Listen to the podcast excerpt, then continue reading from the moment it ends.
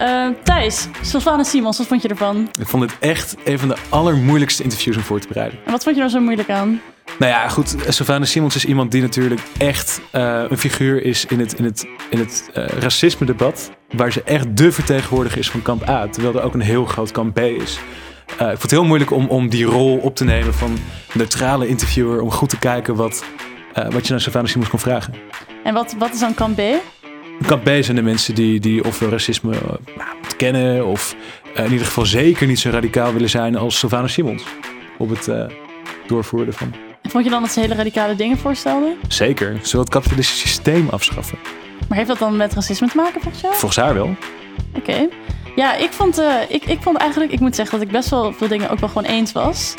Um, ik zat het over de toeslagenaffaire en dat als bij één in de Kamer had gezeten, dat ze misschien wel veel eerder aan de bel hadden getrokken. Um, ja, ik denk dat ze daar misschien wel een punt had. Ik vond het een heel makkelijk statement. Ik bedoel, als je nog niet in de Kamer zit, dan kun je toch niet al zeggen van... oh, nou, ik had dat wel gezien van tevoren. Dat kan je natuurlijk ook niet 100% zeggen, maar... Ik, ik, ik denk het misschien wel. Nou, je ziet dus inderdaad dat wij het al niet helemaal eens zijn met uh, wat eruit is gekomen. Precies, maar, maar um, ook als je niet heel ge uh, geïnteresseerd bent in institutioneel racisme, blijf luisteren om erachter te komen wat voor spiegelritueel je met jezelf moet doen. ja. als, je, als je je slecht voelt.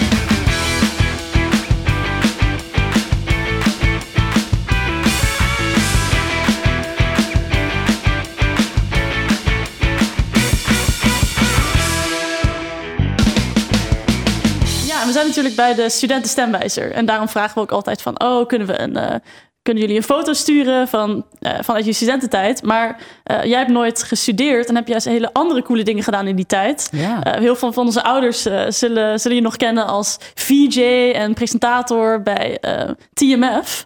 En wij vroegen ons eigenlijk af van... ja, dat is toch dat soort dingen zijn toch zo vet, zo leuk. Jazeker. Waarom, waarom naar Den Haag, in godsnaam? nou ja, kijk, um, TMF is natuurlijk al een tijd geleden. zo ongeveer 25 ja. jaar geleden. En um, dat heb ik gedaan in een tijd dat ik ook nog danseres was.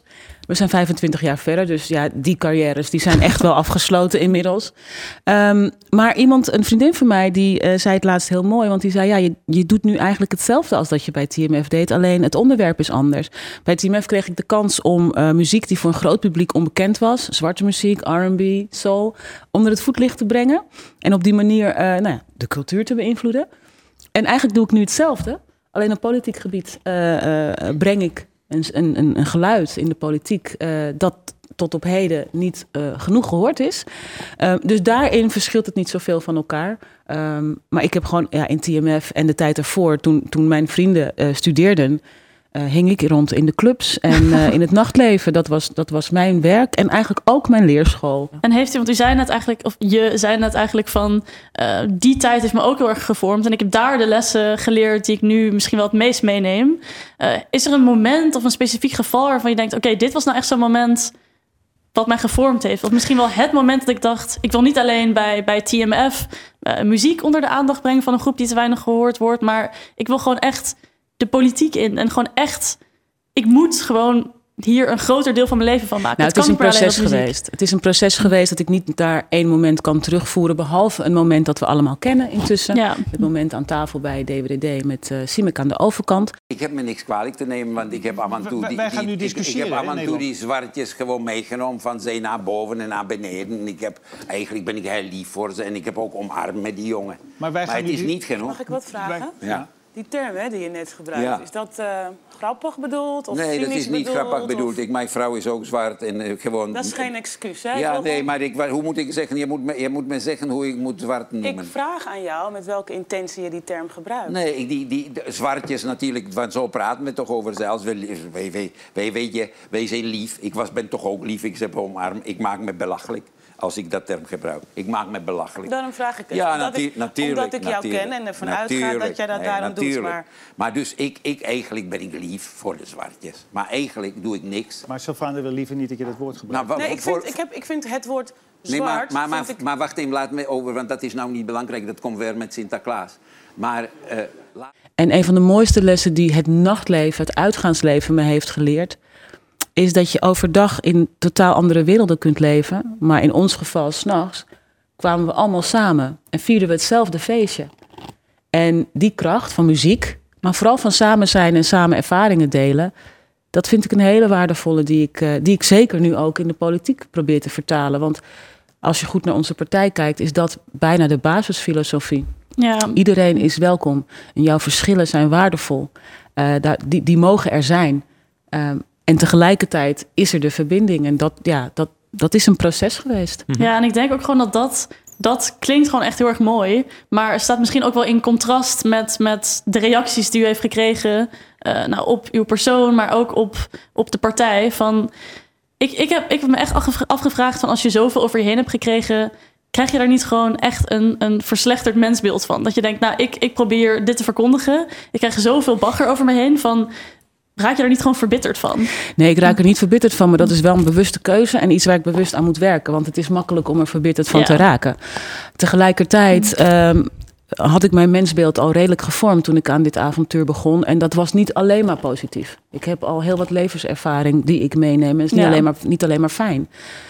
Ehm, maar ik maak een, een, een, een, ik doe heel bewust, uh, maak ik tijd vrij om zeg maar me te reinigen van de negativiteit. En dat klinkt heel heftig. En hoe doe je dat bijvoorbeeld? Nou, ik, ik heb elke avond een spiegelritueel dat ik met mezelf doe. Uh, dan praat ik de dag door. Um, ik kijk waar ik het beter had kunnen doen. En ik vergeef mezelf voor het feit dat ik het niet beter heb gedaan.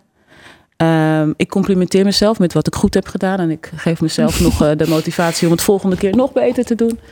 Um, maar ik neem ook gewoon bewust het moment om het grotere plaatje te bekijken. Want veel van het verdriet en de pijn die we elkaar aandoen, dat komt vanuit andere pijn.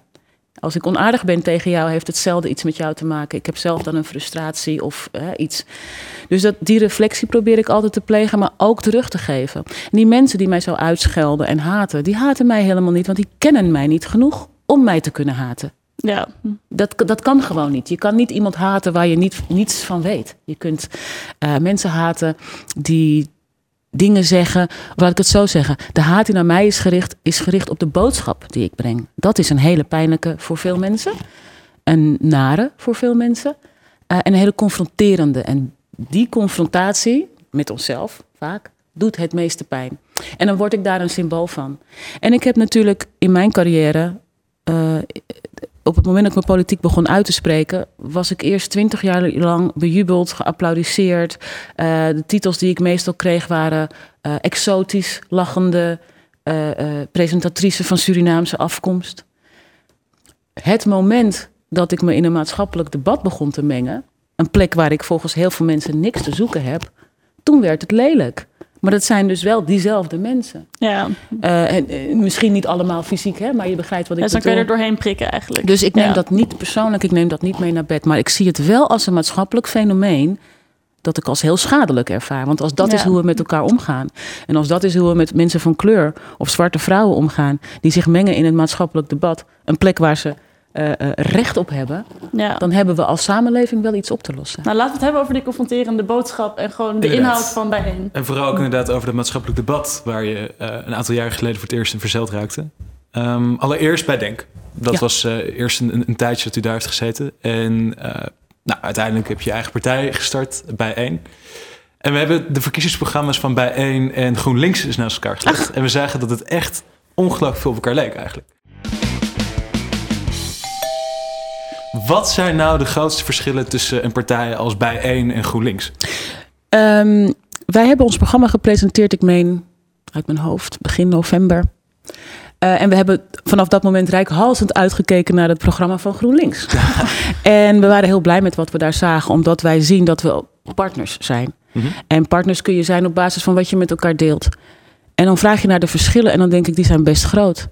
Um, ik zie bij één wel eens, zoals uh, GroenLinks uh, uh, ook in haar begindagen was, radicaal. Vanuit activisme. En GroenLinks is nu natuurlijk een partij die al een tijdje meedraait. Um, en dat, nou, dat merk je. Je merkt dat het een partij is die eerder geneigd is tot compromissen. Waar wij een radicaal wereldbeeld voorstellen. En daar ook veel verder in gaan. En dat kunnen we ook. Dat is geen verwijt aan GroenLinks. We zijn gewoon twee partijen die vanuit een andere positie komen. Maar wat ik mensen heel vaak moet uitleggen is dat, ja, wij zijn een stuk radicaler. Maar wat heel erg belangrijk is, kijk, een wedstrijd loop je niet in je eentje. Dus je hebt elkaar ook nodig. En denk dan, als we die dan ook even ernaast liggen. uh, Denkerspartij, waar je bij hebt gezeten. En weer op een gegeven moment weg bent gegaan. Ja. Wat zijn nou die verschillen tussen die twee partijen? Nou, ik denk dat uh, Denk minder links is dan wij zijn. Minder radicaal is dan wij zijn. Op, op welk gebied? Op economisch gebied. Denk ik dat ze redelijk in hetzelfde straatje passen. Niet? Nou, ja en nee. Um, ik denk op het eerste gezicht. Kijk, het eerste, toen ik bij Denk zat, het eerste programma wat we toen als Denk presenteerden, heb ik ook aan meegeschreven. Dus ook daar kun je van stellen, ja, daar zitten best wat overeenkomsten. Maar ik denk dat wij wel veel progressiever zijn. Uh, bij ons zijn uh, LGBT-rechten bijvoorbeeld niet iets dat we ook nog eens meenemen, maar iets dat echt uh, heel hoog op de agenda staat. Ja. dus ik denk dat als het over progressiviteit gaat, vrouwenrechten, LGBT-rechten, dat wij echt het, het, meest linkse zijn dat er op dit moment in het Nederlandse politiek veld te vinden is. Mm -hmm. Ja. Ja, en dan willen we het graag hebben over gewoon een van de dingen die uh, bijeen uniek maakt. Of in ieder geval dat jullie er zo erg op focussen. En dat is institutioneel racisme. En ik denk dat, je wel, dat het wel veilig is om te stellen dat dit misschien wel het jaar was van institutioneel racisme. Met de protesten, maar ook met de toeslagenaffaire, waarin het natuurlijk een hele grote rol heeft gespeeld. Maar uh, nou, u of jij en bijeen waren natuurlijk al veel langer met dat begrip bezig. Maar voor veel mensen kwam het opeens toch een beetje rauw op een dak vallen van institutioneel racisme. Wat is dat precies? Um, kunt u dit uh, voor eens en voor altijd zeg maar, concreet uitleggen? Wat zijn dan voorbeelden in Nederland van institutioneel racisme? En hoe werkt dat voor mensen die dat gewoon een, een, een vaag sociologisch begrip vinden nog Wat steeds? ik interessant vind aan de toeslagenaffaire is mm. dat het institutioneel racisme, wat je heel duidelijk ziet het woord zegt het, of de, de, de, uitdrukking zegt het eigenlijk al. Het is geïnstitutionaliseerd. Het is onderdeel geworden van je beleid. Van de manier waarop je casussen, zaken, uh, uh, domeinen aanvliegt. Er is dus een tijd geweest dat onze Tweede Kamer het heel oké vond om extra te controleren op basis van etniciteit, afkomst, nationaliteit. En het is allemaal leuk en aardig dat we daar verschillende woorden voor hebben, maar het komt dus eigenlijk gewoon op hetzelfde neer. Uh, concreter dan het toeslagenschandaal is het in Nederland bijna niet te maken, hoewel dit niet de eerste keer is. We hebben in uh, uh, 2007 een toen nog staatssecretaris gehad bij de name of Rutte, die veroordeeld is omdat hij racisme nou ja, probeerde vorm te geven door te stellen dat je mensen uit Soudaan sterker mag controleren. Alleen vanwege het feit dat ze uit Soudaan komen. Of nee, het was Somalië, neem me niet Mhm. kwalijk. Um, en we hebben al proefballonnetjes gehad van diezelfde VVD die zegt ja, in bepaalde postcodes moet je harder straffen. Terwijl we allemaal weten welke mensen er in die postcodes wonen. En um, als je dat zou uh, implementeren, dan spreek je van institutioneel racisme, heel tastbaar. Maar veel uh, uh, gedragingen die wij doen, die doen we niet omdat ze zo zwart op wit staan. Die doen we omdat we het zo gewend zijn. Dat is de mores. Dus naast het tastbare institutionele racisme heb je natuurlijk ook nog de situaties van bias, vooroordelen, microagressies. Dingen die niet meteen aanraakbaar zijn. Maar als iemand tegen mij zegt, oh, je spreekt best aardig Nederlands dan ervaar ik dat als een microagressie. Want als Nederlandse vrouw zou ik het gek vinden dat ik niet goed Nederlands spreek. Zeker wetende dat mijn voorouders al heel goed Nederlands spraken. Want als ze hun eigen taal spraken, dan kregen ze klappen. Dus um, al die context, dat, dat, dat, dat kun je allemaal uh, meenemen. Het resultaat daarvan is dat mensen worden buitengesloten op de arbeidsmarkt, op de woningmarkt, uh, uh, in het onderwijs. En er is, er zijn niet, het is niet zo dat leraren dan zeggen dit kind is van kleur, dus die ga ik slechter behandelen. Maar het is wel zo dat we met z'n allen gewend zijn te denken: dit kind is van kleur, de ouders spreken niet zo goed Nederlands, zit in een lage sociale klasse. Dit kind uh, moet maar naar het VMBO. Maar wat ook mee zou moeten wegen, is de stem van degene waar het over gaat: het kind. He, dus, dus als je dan um, in een kernprocedure zo'n klein dingetje aanpast, een, een Ja. kleine, niet als discriminerend bedoeld, maar wel met discriminerende uitwerking. Als je dat eruit haalt, dan maak je het speelveld eerlijker. Ja, en dus uh, nu institutioneel racisme wat duidelijker is, wat zijn manieren waarop we institutioneel racisme kunnen aanpakken? Want het lijkt soms heel erg groot en ongrijpbaar, maar wat zijn concrete dingen die Nederland of politieke partijen kunnen doen om te zorgen dat er bijvoorbeeld niet nog weer een toeslagenaffaire is? Of om discriminatie is, in het onderwijs of op de arbeidsmarkt aan te pakken? Dat is denk ik tweeledig. Ik denk dat uh, het aanpakken van uh, institu institutionele ongelijkheid, of het nou racisme is, of de loonkloof tussen uh, mannen en vrouwen, of überhaupt het binaire denken in ons mm -hmm. land, in onze samenleving. Als we dat aan willen pakken, dan is dat een opdracht voor ons ieder voor zich. Dus het systeem moet worden opgelost door ieder voor zich. Dat vind ik wel. Hoe, hoe werkt dat precies? Um, jouw reactie is eigenlijk precies eh, eh, wat ik veel tegenkom als ik zeg: Oh, maar het is jouw werk. Ja. Wat moet ik dan doen? Ik denk dat we allemaal de opdracht hebben om te kijken naar hoe de samenleving nu functioneert. Welke uitsluitende mechanismen, bewust of onbewust, daarin een rol spelen. Wat kunnen wij daar zelf in, uh, in verantwoordelijkheid in nemen? En dat is met name een opdracht aan wit Nederland. Want zwart Nederland, bruin Nederland, kan dat niet wegnemen. Wij, wij, wij vormen niet de structuur en hebben er geen baat bij. Uh, en dat maakt het gesprek zo lastig. Want nu, dan is natuurlijk jouw logische vraag: wat moet ik dan doen? En dan zeg ik: nou ja, ga, eens na, ga gewoon eens nadenken en kijken wat je tegenkomt in het normale dagelijkse zijn aan uitsluitende, ingesleten patronen. En hoe kun je dat zelf doen? Als je dat bijvoorbeeld op het feminisme plakt, dan zien we heel vaak dat vrouwen uh, uh, in boardrooms bijvoorbeeld met elkaar afspreken. Als de ene vrouw een idee heeft en we weten dat daar vaak door mannen overheen gesproken wordt, dan zegt de andere vrouw: Goh, wat jij net zei, dat vond ik een goed Precies. idee. Nou, diezelfde uh, mechanisme kan je inzetten als je andere uitsluitende structuren wil aanpakken. Maar de vraag is altijd: wat kan ik doen? Want wij maken samen dat systeem. En wat kan dan zeg maar, want, want dat is natuurlijk belangrijk dat mensen altijd dat je bij jezelf nagaat, uh, wat voor rol speel ik hierin? Maar wat zijn zeg maar concrete beleidsplannen die bijeen voorstelt om dit uh, te stimuleren? Want ik kan me voorstellen dat als je gewoon wacht tot mensen bij zichzelf nagaan van uh, doe ik het wel goed, dat je lang kan wachten. Dus wat, ja. wat stelt dan bijeen concreet voor? nou, we zoeken dingen... dus bijvoorbeeld zoals bij dat adviesmoment, schooladviesmoment, naar die maatregelen of mores die beperkend werken. Die kan je uit systemen halen. Um, ik denk dat, je ook, dat er ook een belangrijke taak is voor mensen die de systemen herkennen. Dat zijn altijd eerste groepen die het treft. Om aan de voorkant aan tafel te zitten. Dat alleen al. Ik ben ervan overtuigd dat als ik aan de tafel had gezeten. Dat, dat, dat in ieder geval ik had gewezen op het op zijn minst sluimerende gevaar van het, uh, de vernieling instorten van 30.000 gezinnen uh, met een tweede nationaliteit of een moeilijk uit te spreken achternaam die vaak helemaal niet zo moeilijk is. misschien wel eerder ontdekt dan. De toeslagen, vanaf dag één hebben mensen aan de bel getrokken. Maar waar we met elkaar mee moeten beginnen is luisteren naar als mensen zeggen ik word ergens door getroffen. En niet zeggen stap eens uit je slachtofferrol of dan heb je maar pech.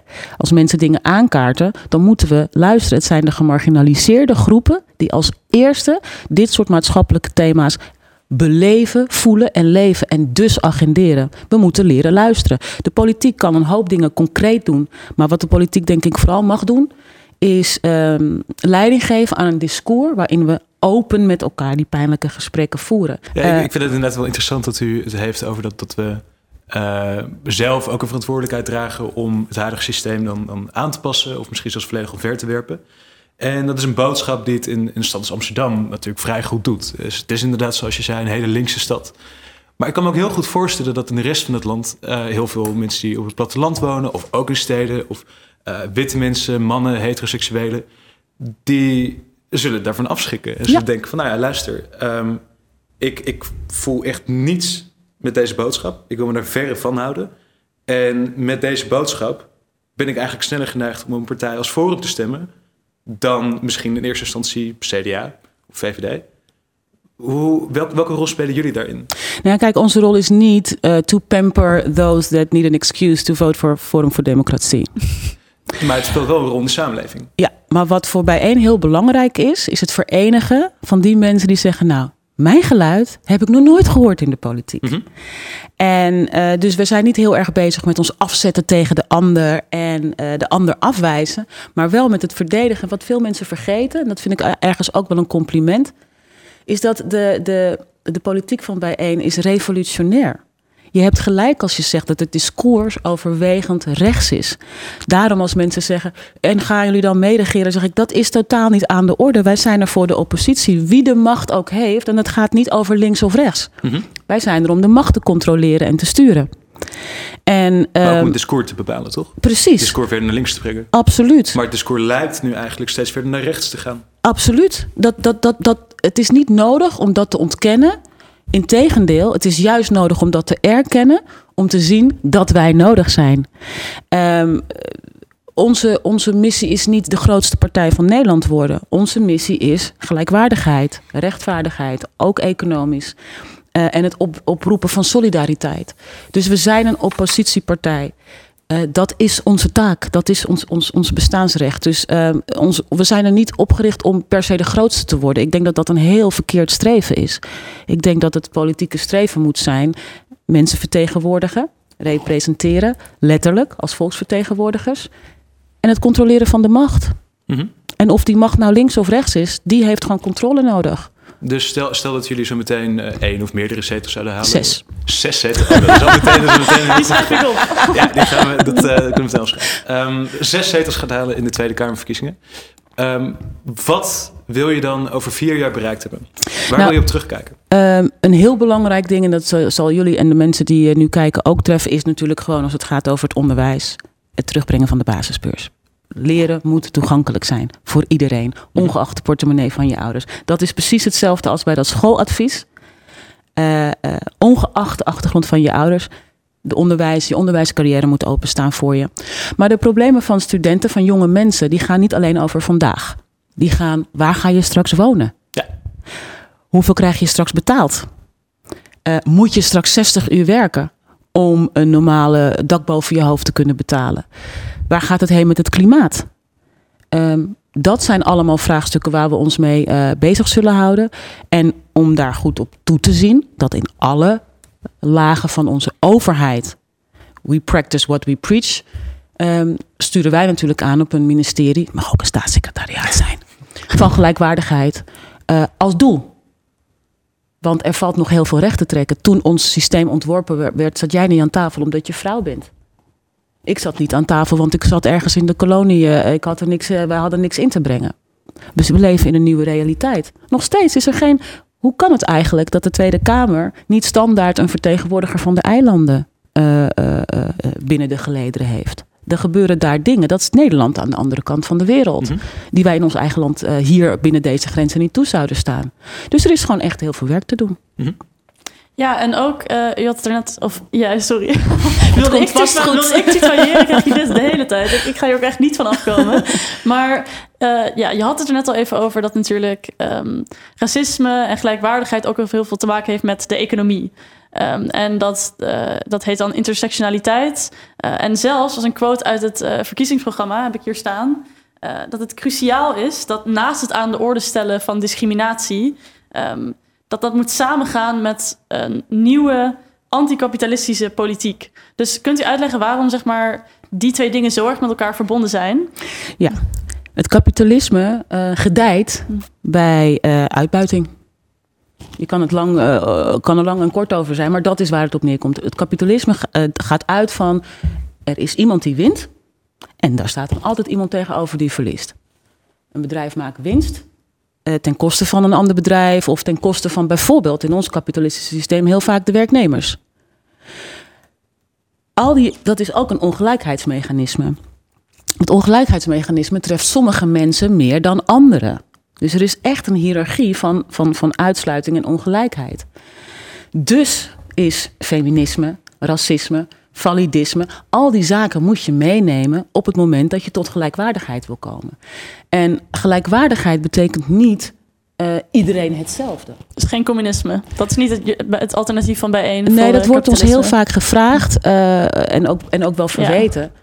Uh, maar ik blijf graag weg van dat woord, omdat ik denk dat het hier niet gaat over totalitaire systemen, maar over het met elkaar vormgeven van een systeem dat wel werkt. En hoe, hoe moet ik dat dan want ja, ik heb natuurlijk altijd alleen maar in uh, kapitalistische uh, democratie uh, geleefd. Maar, maar hoe, hoe willen we dat dan aanpakken? Of hoe wil bijeen... Uh, we hadden het net over zes zetels, maar hoe wil bijeen dat dan Nee, maar dat is, dat is de vraag. En wat, wat, jou, wat jouw vraag eigenlijk nu laat zien... is dat we heel erg gewend zijn aan die, dat, dat concreet, het moet zo. En als het zo gaat, is het goed. En ik vraag aan elke Nederlander, denk mee en doe mee. Dit gaat over jou. En er is niet een land. Want ik snap natuurlijk, we moeten er met z'n allen over nadenken. Maar mensen moeten ook gewoon gaan kiezen op een gegeven moment. Ga ik nou wel of niet op bijeenstemmen? Dus dan hebben ze wel, is het wel fijn om een beetje die visie ook uh, te nou, hebben. Welk land kijkt er dan bijvoorbeeld naar van die denkt: oké, okay, daar gaat het wel wat. Gaat dit, dit zeg maar, economische systeem wel wat beter dan in Nederland? Nou ja, weet je, dat brengt me op het globale aspect. We zijn niet alleen. We, we draaien simpelweg mee in wat we al in de wereld als norm hebben gesteld. Het is dus niet alleen een opdracht aan ons, het is een opdracht aan iedereen. En ook aan overheden die er helemaal niet voor overstaan, maar juist openstaan. Maar juist nu moeten we die vragen stellen. Omdat als we stil blijven, en dat zien we dus gebeuren, dan verschuift het discours langzaam maar zeker. Als we nu vaststellen dat we in een rechtsdiscours, uh, neoliberaal, kapitalistisch discours leven. Uh, en we zeggen van we weten eigenlijk allemaal niet beter. dan is dat juist het moment om, om, om een alternatief te blijven voorstellen. Ja, ik weet nog steeds niet precies alleen wat het alternatief is. Nee, maar, dat, nee, maar, dat, is, dat, maar dat is je antwoord. Dat weten we ook niet. En we moeten ook wennen aan de gedachte dat we dat niet weten. Want wat we nu zien zijn leiders die stellen dat zij weten.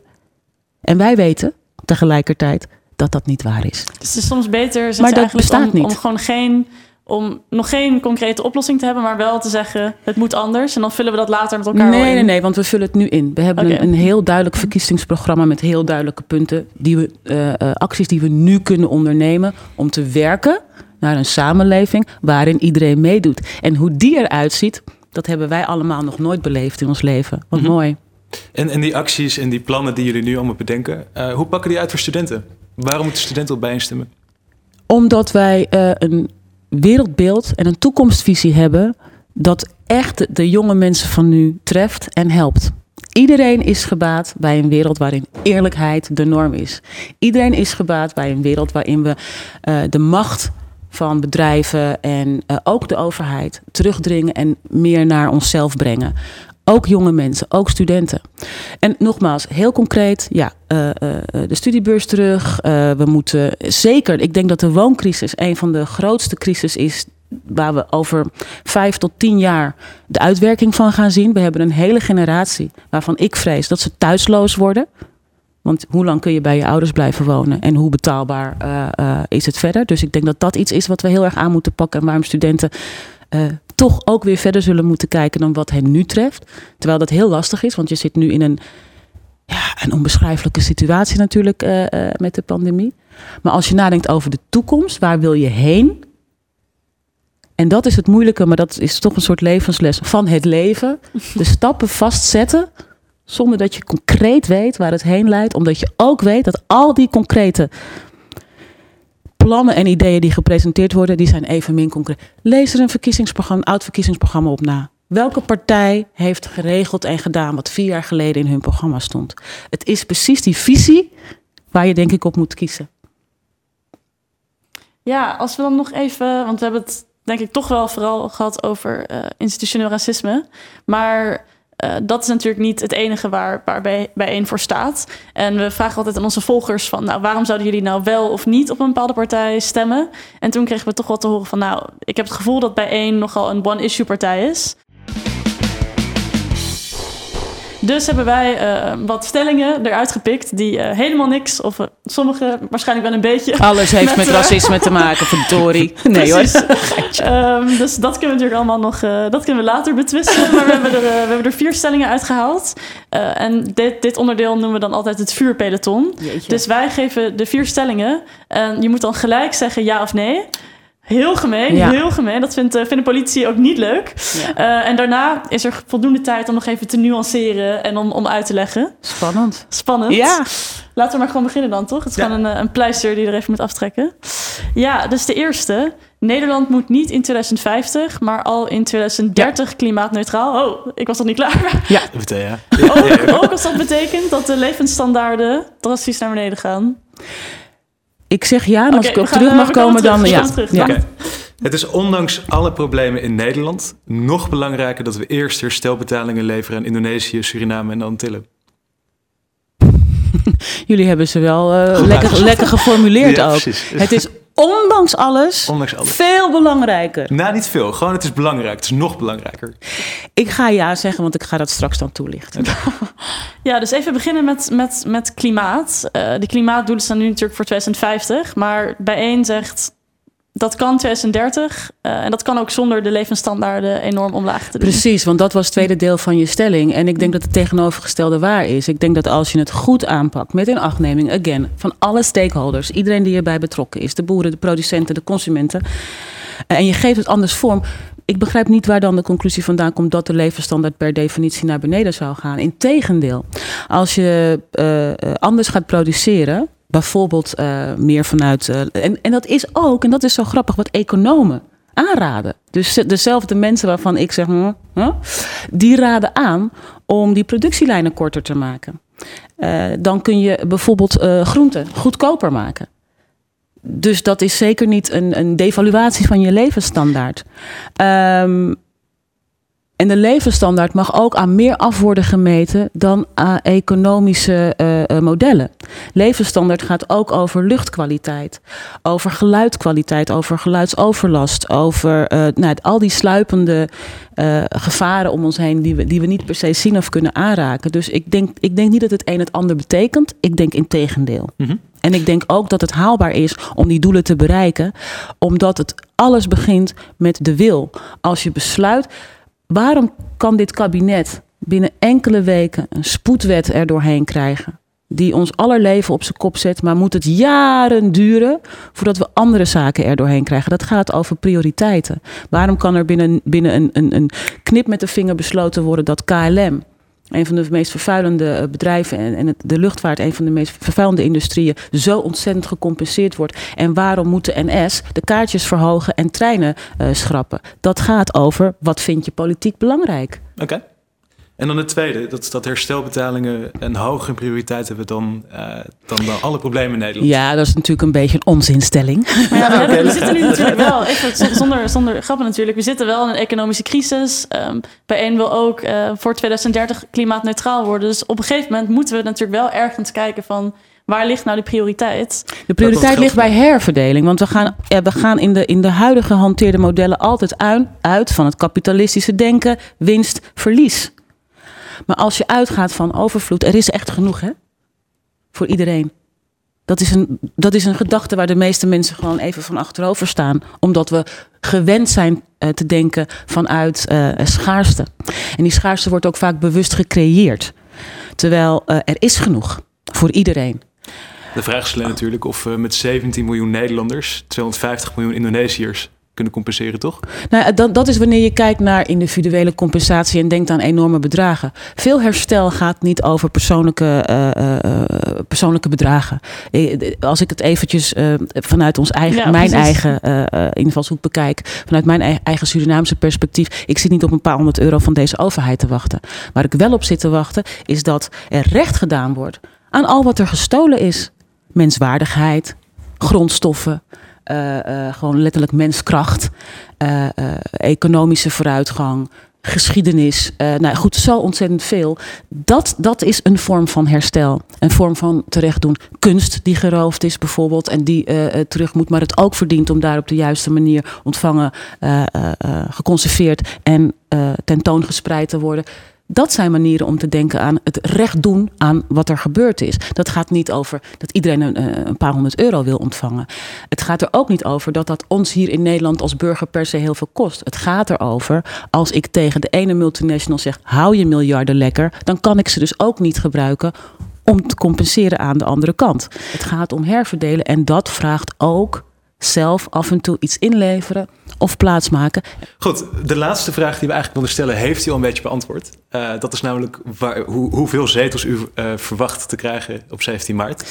Ik verwacht um, er geen zes, maar ik ga wel. Uh, u, u, mag nog bijstellen, want als u er te ver vanaf zit, ja? dan kunt u kans maken op de gebrek aan zelfkennis award. Oh wauw, die wil ik echt niet. Precies. Dus...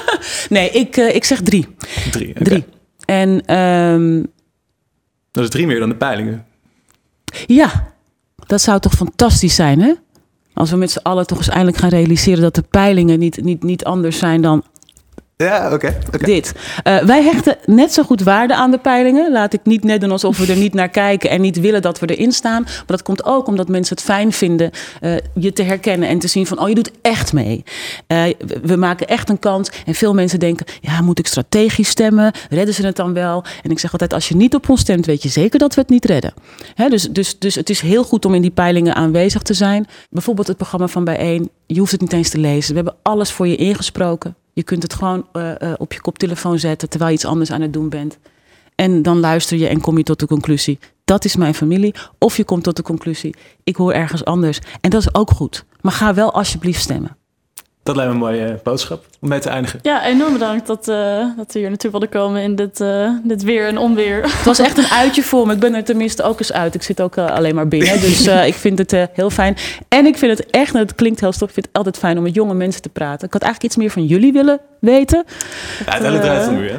Zeg je? Uiteindelijk draait het om u. Ja, maar ik, ik, ik ben niks zonder jullie input. En ik wil altijd weten wat, wat, wat leeft er en wat zijn de verschillende perspectieven en waar heb ik een blinde vlek. En, en wij kunnen nog zo wel even doorpraten. Ik denk dat de volgers wat minder op ons zitten te wachten.